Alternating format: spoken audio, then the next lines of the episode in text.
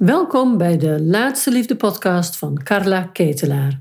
In iedere aflevering geef ik je mijn inzichten en adviezen over waarom het tot nu toe niet gelukt is en wat er nog nodig is, zodat jij ook jouw eindman of eindvrouw in je armen kunt sluiten voor die relatie die je zo graag wilt. In deze aflevering ga ik je meenemen naar wat is nu precies een gezonde volwassen relatie. En ik word daar een beetje blij van. Ik heb hier zin in, want dit is waar ik het liefste over praat. Want dat is wat we willen. We willen liefde die gezond is, die vervullend is, die gewoon lang mag duren. Ja, dus, dus ik zit op mijn, uh, mijn paradepaadje. Gezonde liefde, hoe bereik ik dat? Maar waar ik het nu over wil hebben, vooral is hoe herken ik het?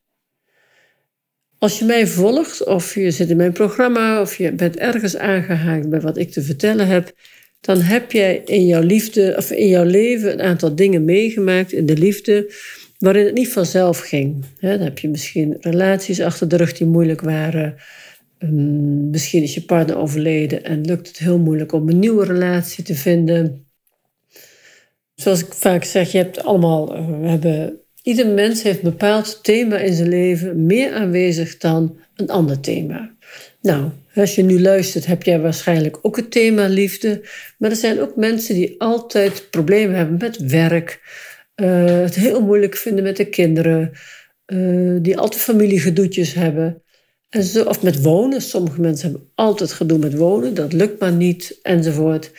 Ehm, dus ieder heeft zo zeg maar, een hoofdthema in zijn leven. En dat wisselt ook. Hè? Je kunt het ene opgelost hebben en dan voel je, oh, nou is er ruimte voor het andere. Ik had bijvoorbeeld heel lang thema werk en ik had thema liefde.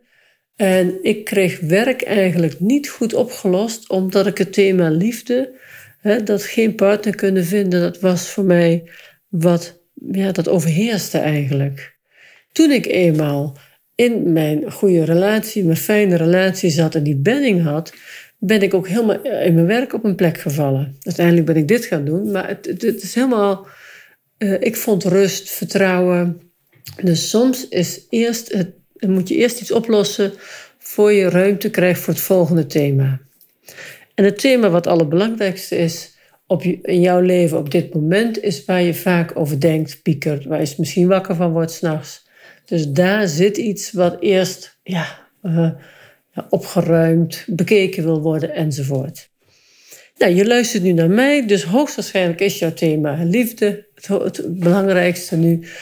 Nou, en wat veel speelt is dat we, als we een thema liefde hebben, dan zit daar iets, dan is het niet helemaal vrij nog. Of je, hebt, je maakt er dingen in mee die pijnlijk zijn.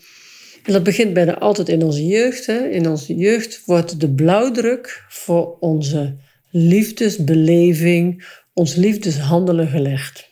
Dus wat je thuis hebt meegekregen, ja, ik weet altijd mensen zeggen, als ze zweverig, dan moet ik weer, dan moet ik weer naar mijn verleden. Nou, je hoeft het niet per se naar terug, maar het is heel belangrijk om je te realiseren. En je leert er ook veel van. Hoe was de liefdestaal thuis? Wat, werd er, wat, wat straalde ze uit? Was er liefde? Was er aandacht? Was er emotioneel genoeg ondersteuning? Enzovoort. Omdat dat heel veel zegt over hoe jij als volwassene jouw liefdesleven hebt ingevuld. Welke partners heb je gezocht? Welke situaties ben je terechtgekomen? Als ik iemand spreek en die vertelt me over het relatieverleden, kan ik praktisch altijd precies de vinger op de zere plek leggen of in ieder geval vertellen hoe het er thuis aan toe ging. Dat is niet omdat ik er zo knap in ben of goed in ben, maar dat is omdat het een logisch gevolg is. Je huidige liefdesgedrag, zou ik het even noemen, is een logisch gevolg van wat je geleerd hebt. Uh, dan, dan, gaan we, dan zitten we in die, in liefdesrelaties en dan gaat wat fout. En nu sta je op een punt, ik wil het anders. Ik wil ook die liefde voor lang. Ik wil wel die gezonde relatie. Nou, misschien heb je iemand ontmoet of zit je in een relatie of ben je aan het kijken en weet je eigenlijk niet zo goed waar je op moet letten. Daar ga ik je vandaag mee helpen. Want wat is nou een gezonde liefdesrelatie? In een gezonde liefdesrelatie voel je rustig, op je gemak.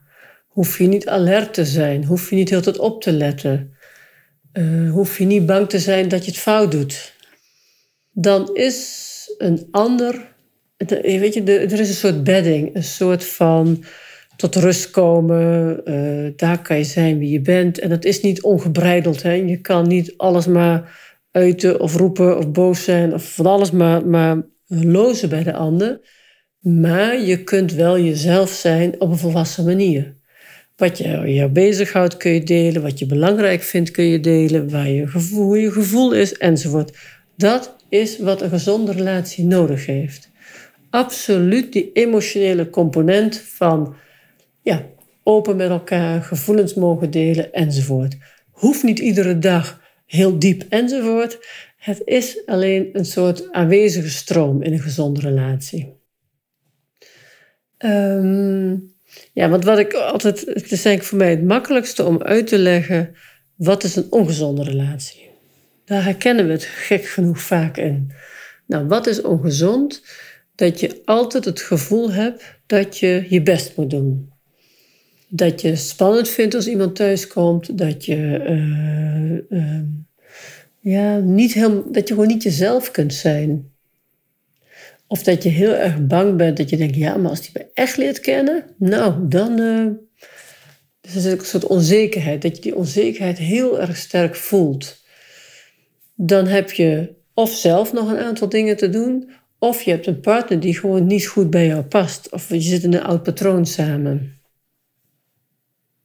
Dus door een gezonde relatie is niet spanning, heel veel spanning, is niet heel veel drama, is niet constant toppen en dalen, is niet heel veel ruzie.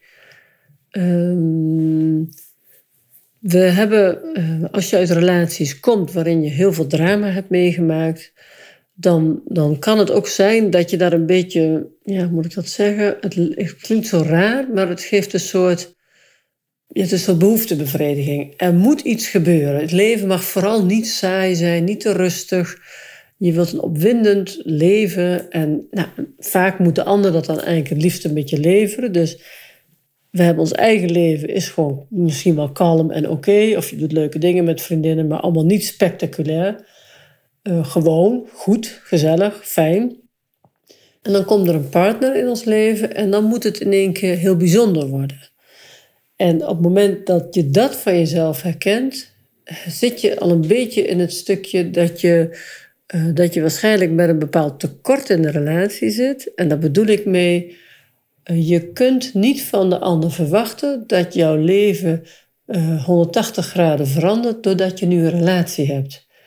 Want als jouw leven zeg maar gewoon is zoals je hem nu hebt met veel leuke dingen, dan blijft dat leven zo gewoon, gezellig, met veel leuke dingen. De ander hoeft dat niet heel bijzonder geweldig te maken. Die komt gewoon met zijn eigen dingen, met zijn eigen leven, met zijn eigen leuke geitjes. En jullie maken, hebben gewoon heel veel fijne verbinding. Dat is een gezonde relatie. Maar als jij het gevoel hebt van ja, het is wel heel saai of uh, nou, het is eigenlijk niks bijzonders, dan mag je echt voor jezelf eens afvragen: ben ik zelf volwassen in deze relatie? Of verwacht ik toch dat de ander mijn leven erg opleukt? En is dat gevoel van een bijzonder leven, zet ik mijn eigen leven wel genoeg neer? Hè? Doe ik zelf wel voldoende leuke dingen? Dat is zoals je, uh, even terug, wat is een niet gezonde relatie? Is het die onrustige relatie? Dat is niet volwassen. Een gezonde relatie is rustig. Nou, ik weet, zoals je, hè, je volgt me al een tijdje, je weet ook dat ik een programma heb. En in het programma hebben we ook een hele mooie oefening. En dat heet ook de gezonde relatie. Ik pak hem er eens even bij. Kijken hoor. hij zelf gewoon heel simpel oefening op de gezonde relatie. Nou, wat ik heel vaak te horen krijg, zijn bijvoorbeeld bepaalde uitspraken. En dat zijn uitspraken van vrouwen die zijn alleen. En die, die twijfelen nog een beetje of ze op zoek zullen gaan. Of die hebben bepaalde dingen worden dan gezegd, waardoor ik voel, jij hebt nog niet meegemaakt wat een gezonde, gelijkwaardige relatie is of kan zijn. Nou, wat een hele standaard is, ik begin er niet meer aan, want dan ben ik mijn vrijheid kwijt. Dan ben ik mijn zelfstandigheid, verlies ik dan. Als ik een relatie heb, kan ik niet meer doen wat ik nu doe. Uh, oh ja, dat is ook een eentje. Ik ben, dan, ben ik heel, dan heb ik het gevoel dat ik mijn leven aan het verliezen ben. En wat veel vrouwen last van hebben, dan zeggen we: ehm, ik, ben, ja, ik ben altijd veel meer met hem bezig en hij doet gewoon zijn eigen ding. Nou, dat zijn van die situaties, dat zijn dus eigenlijk uitspraken, uitdrukkingen van een ervaring van geen gelijkwaardige, gezonde, uh, uh, volwassen relatie. Omdat je, um, wat je hier eigenlijk mee zegt, is: als ik met iemand samen ben, weet ik niet meer goed hoe ik mijn eigen leven moet behouden, vormgeven, hoe ik dat doe. Op het moment dat je het gevoel hebt dat je je vrijheid verliest als je met iemand bent, bewaak je niet goed je grenzen. Als jij uh, gewend bent om lekker met vriendinnen op vakantie te gaan, nou, en deed je dat als je alleen was, zeg maar vier keer per jaar, dan kan ik me voorstellen dat je dat geen vier keer per jaar meer doet, maar dat je uh, ook een paar keer met je partner op vakantie wilt, maar dat je dat wel gewoon één, misschien twee keer per jaar blijft doen. Dus, dus je gaat wel wat schuiven in je activiteiten, maar dingen hoeven niet te verdwijnen. Uh, op het moment dat jij het gevoel hebt dat je zelfstandigheid verliest, ga je veel te veel met die ander mee. Dan zoom je veel te veel in op het leven. Dan, ik, heb, jij kan het even niet laten zien. Um, een gezonde relatie, dat ben jij met een. Ja, ik het even anders, anders aanvliegen. Jij hebt je leven. Ik. Jij bent jouw leven. En jij uh, doet van alles. Je hebt werk of een studie. Je komt uit een familie waar je broers, zussen hebt, misschien ouders. Misschien heb je kinderen, misschien heb je huisdieren, vrienden, hobby's. Nou, jouw leven heeft dus, een sociaal netwerk met een ja, aantal dingen die erin voorkomen. Nou, een gezonde relatie, in een gezonde relatie komt jouw nieuwe partner in dat rijtje te staan. Hij is een onderdeel van jouw sociale leven. Werk, studie, familie, kinderen, huisdieren, vrienden, de partner, hobby's enzovoort. Nou, je, kan, je mag hem boven zetten hoor, dat hoeft niet onderaan te bungelen. Maar eigenlijk zijn het allemaal, dit zijn eigenlijk gelijkwaardige dingen in jouw sociale netwerk. Alles is een beetje belangrijk voor jou. En door dat sociale netwerk heb jij een fijn leven. Jouw nieuwe partner gaat een deel van dat sociale netwerk worden. Maar wat we dus doen, als we heel verliefd zijn of uh, ja, het gevoel hebben dat we uh, het goed doen in de relatie, dan maken we die ander zo groot, die maken we net zo belangrijk als dat we in ons eigen leven zijn. Jij bent in jouw leven de allerbelangrijkste persoon. Jij bent verantwoordelijk voor jouw goed voelen, voor jouw goed voor jezelf zorgen enzovoort. Dat is niemand anders. Op het moment dat je de ander net zo belangrijk maakt als jezelf bent in jouw leven, ga je al een beetje op een hellend vlak. Want dat betekent dat je die persoon veel te veel macht over jou geeft. Of veel te veel beïnvloeding. Of dat je veel te veel gaat kijken van vindt hij dat wel leuk. Of dat je heel erg gaat aanpassen. Als je dat, dus ik, ik heb in het programma, zeggen we heel vaak, Oké, dan, dan speelt er iets en dan, dan legt iemand iets uit. Nou, ik heb nu ook iemand die zegt, ja, en nu kan alles weer met corona. En uh, ik raak helemaal een beetje spoorbuist, want mijn agenda zit gewoon vol. Maar ja, dat wil ik niet, want ik wil met hem zijn, enzovoort, enzovoort. Dus zij is heel erg zoeken in deze nieuwe vorm. Hè. De lockdown gaat eraf, dingen mogen weer. En, en, de, en de afgelopen maanden heeft ze dat gevoeld. Er kwam wat meer ruimte. En daar ging die dus knijpen bij haar, want zij had hem direct helemaal naast haar. En hij was net zo belangrijk in haar leven als haar eigen, ja, uh, uh, haar eigen dingen. En in corona kon dat prima, want ze waren heel veel samen. Dus dat, dat, vond, dat was een beetje in balans. Maar nu gaat het eigen leven weer meer leiden en nu gaat het frikken. Want nu komt het erop aan of ze weer voor zichzelf haar dingen durft te doen en of ze het met hem durft te bespreken. Nou, voor haar is het lastig. Zij vindt het moeilijk om te uiten, dus ze is een beetje aan het mopperen. En ze, en ze, ja, ze, ze voelt afstand. En omdat ze eigenlijk dit niet openlijk bespreekt. En nou ja, we hebben het daar natuurlijk over. Ik heb het daarover met haar. Nu begint het haar langzaam duidelijk te worden dat het niks met hem te maken heeft maar met haar probleem om haar eigen ruimte weer te vragen. Als oudste dochter moest altijd rekening houden met anderen. En in dat uh, altijd rekening houden met anderen, was dat rekening houden met haar partner, omdat ze heel veel samen waren, niet zo'n probleem. Maar nu ze alle twee weer meer hun eigen agenda hebben, gaat dat bij haar knijpen. Hij niet, hij gaat gewoon lekker zijn eigen ding doen en zij gaat last krijgen. Dus zij heeft nog wat te ontwikkelen in zichzelf op volwassenheid. In, nou, ik ga gewoon voor mezelf staan. Ik ben dus eigenlijk, eh, wat, wat, zij, wat haar een beetje ontbreekt, is voldoende uh, zelfwaardering van ik doe het toe. Wat ik wil in mijn leven is net zo belangrijk als wat de ander wil. We hoeven ons niet weg te cijferen in de relatie. Dat is echt wel een verschil met relaties van vroeger en van nu. Vroeger waren de relaties in de eerste instantie ook veel meer praktisch. Hè? Van die mini-bedrijfjes. Hè? De gezinnen werden gerund. Vader vaak buitenshuis, moeder thuis. Dus het was gewoon een afstemming die klopte. Waar veel mensen zich goed bij voelden. Het was gewoon simpeler. En je, en je verwachtte toen nog niet alles van je partner. De, vrouwen hadden hun clubjes, de mannen hadden hun dingen. Nu, we zitten nu in de situatie dat een partner eigenlijk alles voor ons zou moeten betekenen. Dat betekent dat je er goede gesprekken mee kan hebben, dat je dus de vlammende seks mee kan hebben, dat je. Uh, dus alles, dus al die, alles heb je eigenlijk. Alles willen we nu bij onze partner vinden. Uh, en wat, het, wat daar dus mee gebeurt, is dat er een hele grote druk komt te liggen op de ander. Want eh, hij moet, ja, we gaan nog even door. Wat moet hij allemaal zijn? Hij moet empathisch zijn. Hij moet jou goed begrijpen. Hij moet zelf met zijn gevoelens komen. Ehm, nou, als ik jullie nu het woord zou laten, zouden we met elkaar een hele waslijst aan dingen kunnen bedenken. Die lijst is eindeloos. Wat we eigenlijk hopen dat een ander ook allemaal aan ons biedt. En dat is wel leuk, maar niemand is 100% natuurlijk. En niemand sluit 100% aan bij jouw wensen. Want wij zijn zelf ook niet 100% op al die vlakken ontwikkeld of goed. Dus dat is niet reëel.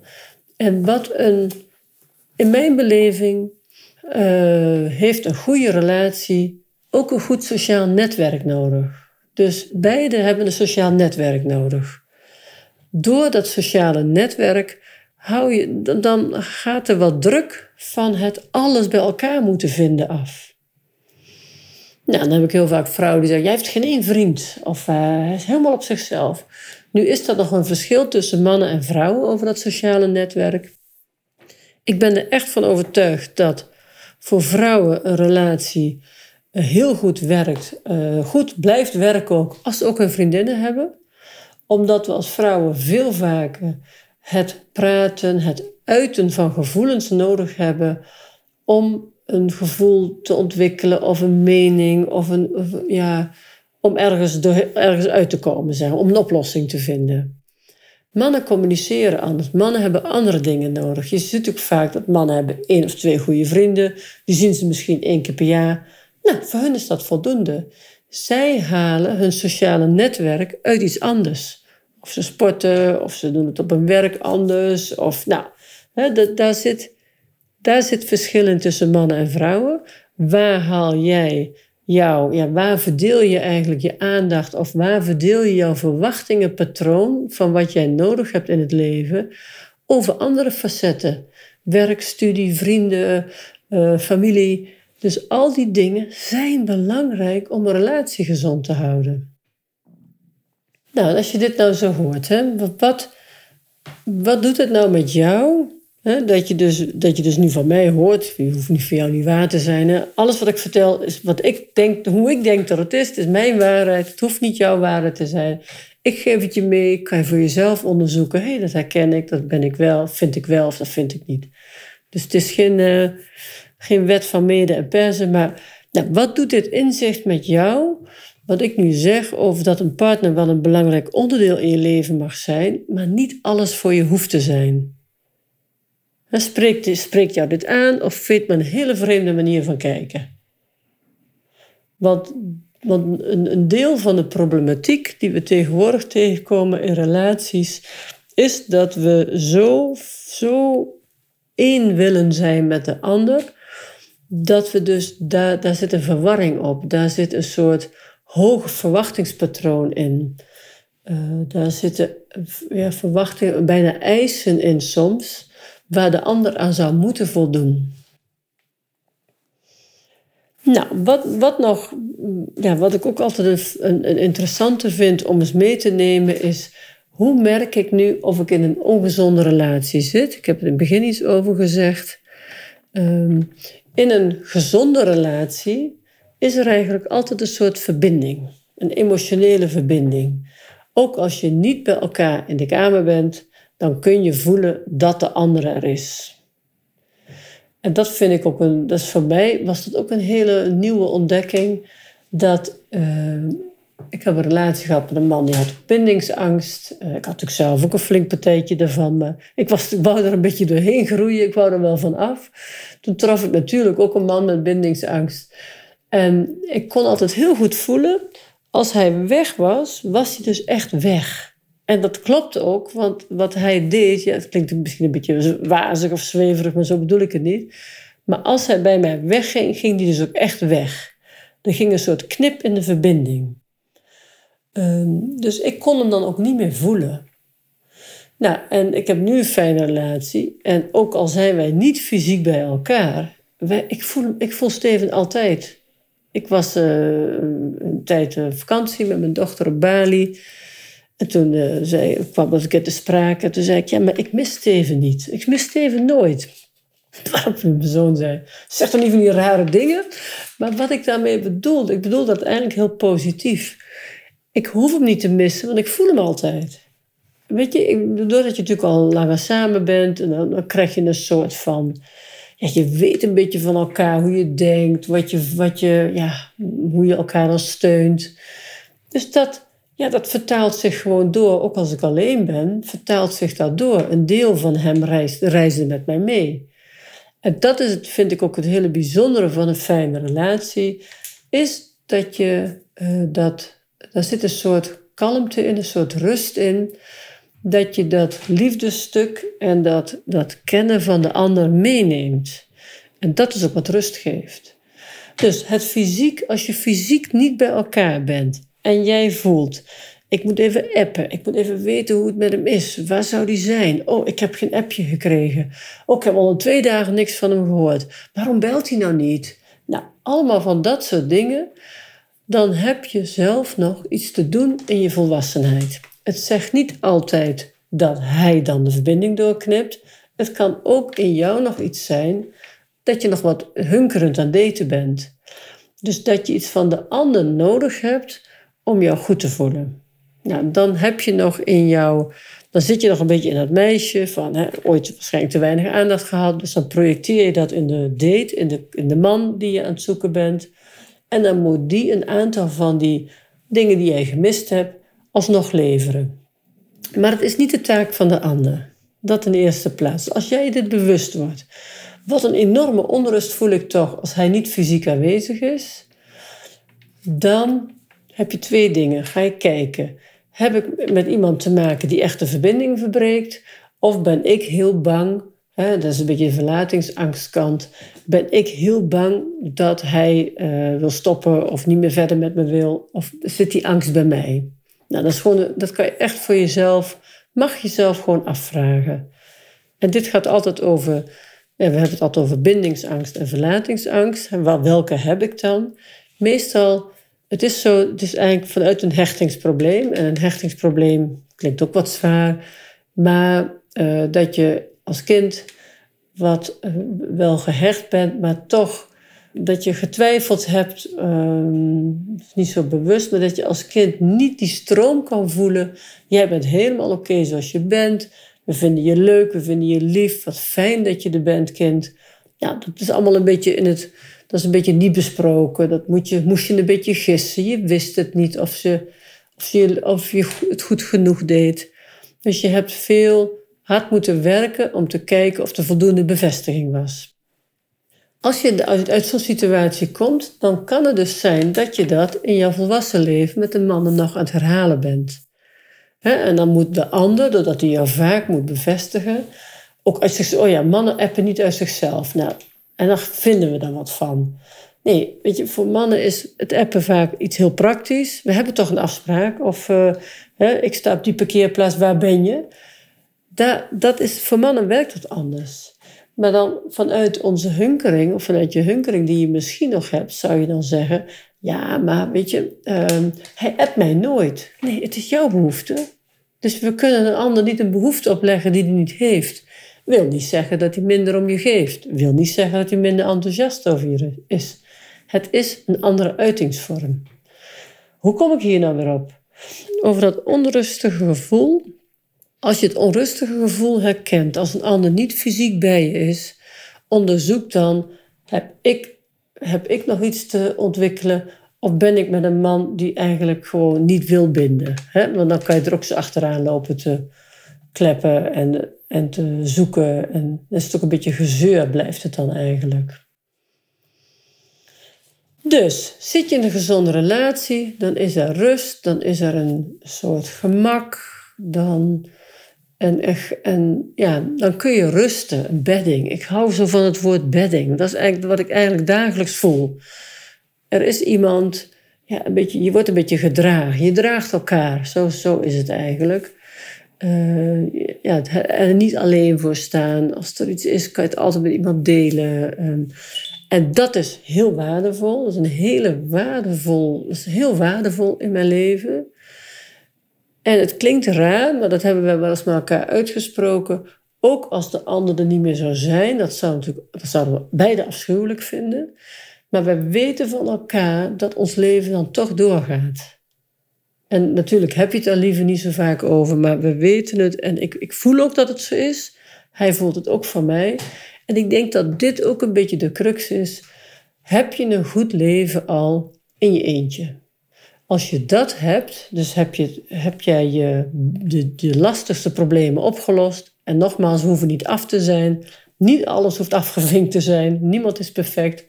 Maar heb je belangrijke thema's die met die zes karaktereigenschappen samenhangen, heb je die grotendeels voor jezelf opgelost. Of als ze nog niet opgelost zijn, weet je dan wat de volgende stappen zijn. Als dat zo is, ben je toe aan een gezondere, aan een volwassen relatie. En dan zul je ook vaker uh, partners aantrekken die ook dat volwassen stuk hebben. En als dat niet zo is, ga je het heel goed herkennen. Dat je denkt, oh nee, ik ben... Hè, gisteren sprak ik iemand die zei, ja, ik heb een hele leuke man ontmoet. Maar wat ik nou iedere keer bij hem tegenkom, is dat hij, hè, als hij wat tegenzet op zijn werk, dan is hij maar aan het praten. En dan zwaar, helemaal in die slachtoffer. Daar heb ik zo geen zin in, zegt ze. Dan denk ik, nou terecht, daar heb je een punt. Dus hij heeft op een bepaald onderdeel van zijn leven, heeft hij het heel moeilijk om positief te blijven. Dus die zesde eigenschap, daar is ze nu een beetje aan het, af, aan het aftasten. Zo van, ja, zit dat bij jou wel voldoende? Of zit daar nog veel meer zwaarte en somberte achter, wat ik later ga tegenkomen. Dus ze, is hem nu een beetje, ze gaat hem een beetje begrenzen. Zo van, nou, prima dat je even over je werk uh, uit en zo. Maar een kwartiertje, tien minuten hooguit, want dan wil ik het ook weer over andere dingen hebben. Dus nu is het uitproberen, zit in mijn programma, nu is het uitproberen hoe hij daarop gaat reageren. Reageert hij daar nou op met nou ja, ik vind dat je wel altijd naar me moet luisteren, of ik vind het belachelijk dat ik dan mijn, mijn problemen niet bij je kwijt kan, dan heb je al meer informatie. Of dat iemand zegt, ach, je hebt helemaal gelijk. Oh, zat ik er weer in? Of wat vervelend, sorry. Nou, fijn dat het af en toe mag. Hè? Voel je het verschil? Of dat een volwassen eh, reactie is, of dat dat een onvolwassen reactie is. En zo ontwikkel je dat en zo onderzoek je dat een beetje. Nou, kort samengevat, mijn pleidooi voor een gezonde liefde. Heb het zelf goed. Zorg dat je de kern van jouw eigen sociale leven goed hebt staan. Jij bent dat. Jij bent het belangrijkste in jouw leven. Dat is niet egoïstisch, dat is gezond egocentrisme. Want je moet jezelf als uitgangspunt nemen in jouw leven. Niemand anders doet dat. Dat ben jij verantwoordelijk voor. Dat is het eerste. Het volgende is dat als je dat hebt en je hebt in dat stuk ook die zes karaktereigenschappen goed een beetje op orde. Je hebt een sociaal netwerk. Hè? Dat, hoeven niet, dat hoeven geen bergen vrienden te zijn, maar je hebt een sociaal netwerk waarin jij je begeeft, wat gewoon goed staat. Dan ben jij toe om een gezonde partner te vinden. Vervolgens heeft hij een beetje hetzelfde. Hij heeft ook een, een, een eigen wereldje en zijn eigen dingen. En van daaruit blijf jij ook, weet je, ook als je een relatie hebt, blijf je die twee aparte mensen. Je, je versmelt wel soms, maar, maar, heel vaak niet. Heel vaak ben je op jezelf en van daaruit maak je die fijne verbinding. En wat een hele belangrijke is, constaterens, kan ik mijn partner voelen, ook als die niet bij me is? Voel ik zijn ja, aanwezigheid, klinkt wat vaag, maar kan ik voelen dat hij er voor me is, ook als ik niet fysiek aanwezig ben? En ben ik er voor hem? Of knip ik misschien de verbinding door? Nou, gezonde liefde. Ik kan er nog twee uur over praten. Ik ga het hierbij laten. Uh, ik wens jou dat jij, nou, uiteraard wens ik jou de meest volwassen gezonde liefde. We hebben er zelf veel invloed op door zelf stappen te zetten, maar ook door heel wereldwijs te worden van hé, hey, maar wat is nou een signaal dat het uh, rammelt, dat er iets niet goed is, dat, er, uh, nou ja, dat, dat het niet volwassen is zoals ik het zou willen. Twee mensen van elkaar houden, dat dan, als je op deze manier van elkaar houdt, is onvoorwaardelijke liefde heel goed, heel dichtbij. Dan hoeft een ander nergens aan te voldoen om jou een goed gevoel te geven. Dat betekent, de ander is oké zoals die is, ik ben oké zoals ik ben en we hebben het samen heel goed en we houden van elkaar. Het is een prachtige uitspraak van Kahil Gibran, hè? Die, dat is een mooi gedicht hè? over trouwen, heet dat geloof ik. Prachtig. Die, die, heeft, die zegt iets in de trant van... een eik en een cyprus groeien niet in elkaars schaduw. dat klopt, het zijn twee aparte bomen. Dus die hebben een bepaalde afstand nodig om alle twee te bloeien en te groeien en het goed te doen. En zo is het met mensen ook.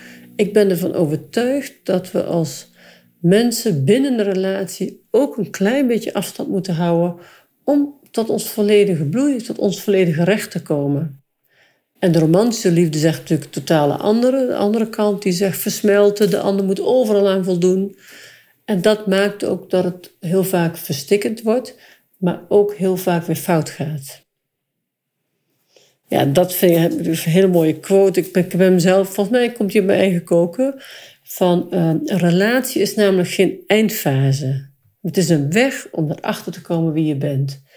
En dit ontwikkelen van die gezonde relatie is ook uh, het ontdekken van wie ben ik nou echt. En dat kun je ook binnen de relatie ontwikkelen. Nou, je hoort het, ik kan bijna niet stoppen. Ik ga er een punt aan maken. Ik wens voor jou uh, de, precies die gezonde relatie, dat je daar niet opgeeft. Ga door, het bestaat. Het bestaat voor jou. Zelf ontwikkelen, iemand vinden die daarin ontwikkeld is. En je gaat die fijne liefde krijgen. Heel veel geluk. Heb ik je een beetje kunnen inspireren? Bemoedigen? Nou, als je zelf een vraag hebt waar je heel graag antwoord op wilt, dan mag je me die ook sturen. Support het laatste liefde. En vermeld even podcast. En voel je nu zelf, ja, ik zou er toch meer van willen weten. Ik zou echt wel stappen willen zetten om toch te kijken of ik ook weer die liefde kan vinden. Nou, ik help je er graag bij. Ik heb een mooi boek geschreven, Vind je Eindman wordt heel veel gekocht door vrouwen, maar ook, ook heel veel door mannen. En wat, we daar, wat ik daarin doe, is dat ik je tips geef, adviezen, heel veel vertel over de liefde. En ik gun het je ook zo, om die liefde te vinden. En heel veel mannen en vrouwen vinden hun liefde omdat ze tips toepassen en nieuwe dingen leren. Ik noem het het nieuwe daten of daten 2.0. En je kunt het boek bestellen op laatsteliefde.nl slash boek. Het blijkt ook een erg leuk cadeau te zijn. Ik wens jou heel veel geluk in de liefde.